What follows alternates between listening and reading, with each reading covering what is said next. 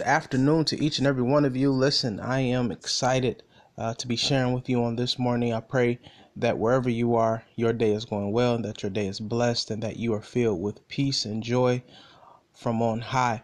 Listen, I just want to encourage someone to just pray. Uh, this morning, I started my podcast off um, with prayer. Um, oftentimes, I pray a lot uh, within my private times, but there are those uh, times in which I feel is the need to pray for those who um, press play on this podcast, um, just to pray for your day, pray for your strength, pray uh, for your guidance and strength in the Lord. Um, but I just simply want to tell you that you don't have to wait on someone to pray. Uh, you don't have to have um, the largest uh, pool of vocabulary. You don't have to be the most eloquent speaker, the most fluent uh, orator. Um, you can pray in your own unique way. Uh, you can pray your way. It's not about the length of your prayer, it's about the strength in your prayer. But I simply just want to remind you that God is waiting on you to pray. On my social media, uh, Facebook, I um, I posted a status saying, um, just as when you were younger, when you really wanted something, you remember when you wanted something, whether it was a toy or whatever it was, when you really wanted something, you went to your parents and you kept asking for it. You kept kept asking for it until uh, you received that in which you asked for. And I simply said that to say, pray consistently and pray persistently. Um, likewise, when you go to God, continue to pray. The Bible is very specific. Uh, in uh, Luke chapter 18, Jesus starts uh, Luke chapter 18, verse 1, saying, uh, Men are always to pray and not lose heart and not faint. Um, and he begins to tell a parable about a woman who went to a judge that was that did not fear God, nor did the judge fear man. But this woman, she um, was praying. She kept praying, and or she kept attend, uh, going to the judge, and she kept going to the judge that she may avenge her adversaries. And at first, the judge would not give, uh, would not permit her request. So the woman she would go home and then she would come back. She would keep going until it turned into a process.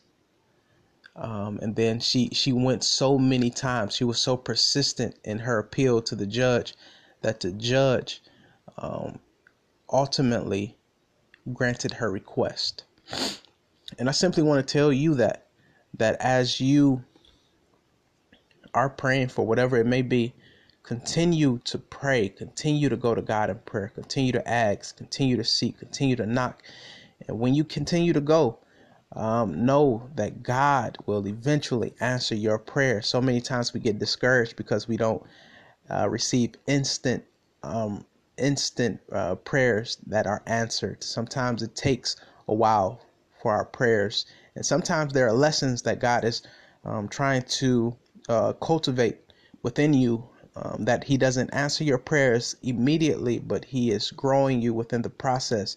Uh, there are some things in which you need to grow patient in and need to learn how to pray. And um, but I'm simply asking you to continue to pray and continue to go to God in prayer. And don't get weary in praying. Continue to pray. And yes, sometimes it's difficult to pray when you're learning how to pray.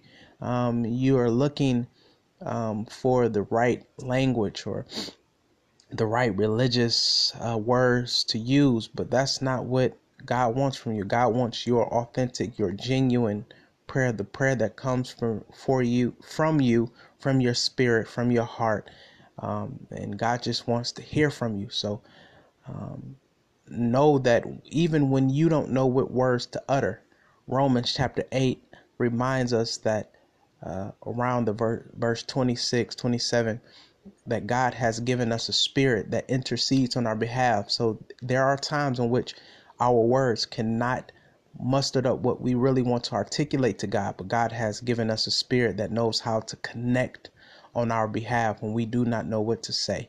So don't allow your words to be a hindrance um, from um, actively participating in prayer to reach God, to allow your humanly human communication to connect with God's divine being.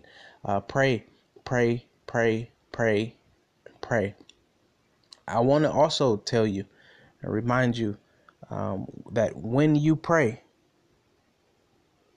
um, learn to be a little bit more specific in your prayers. A lot of times we are asking God for things, but we don't specifically ask God. We tell God to heal sickness, we tell God to uh, heal our sins, but we have to get specific. What are you, who needs healing? What's that person's name? What disease do you need God to heal? What are you asking God for? You got to be more specific in dropping the names and the, the name of the, the, the details and the meticulous detailing of what you are requesting for God. Um, that helps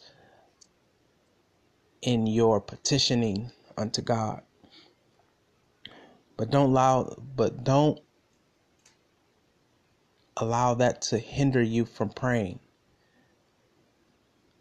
God wants to hear from you. God is waiting to hear from you. When was the last time you prayed? When was the last time you told God, thank you? Gratitude is always a great way to start your prayer. God, I just thank you. There's so much to be thankful for.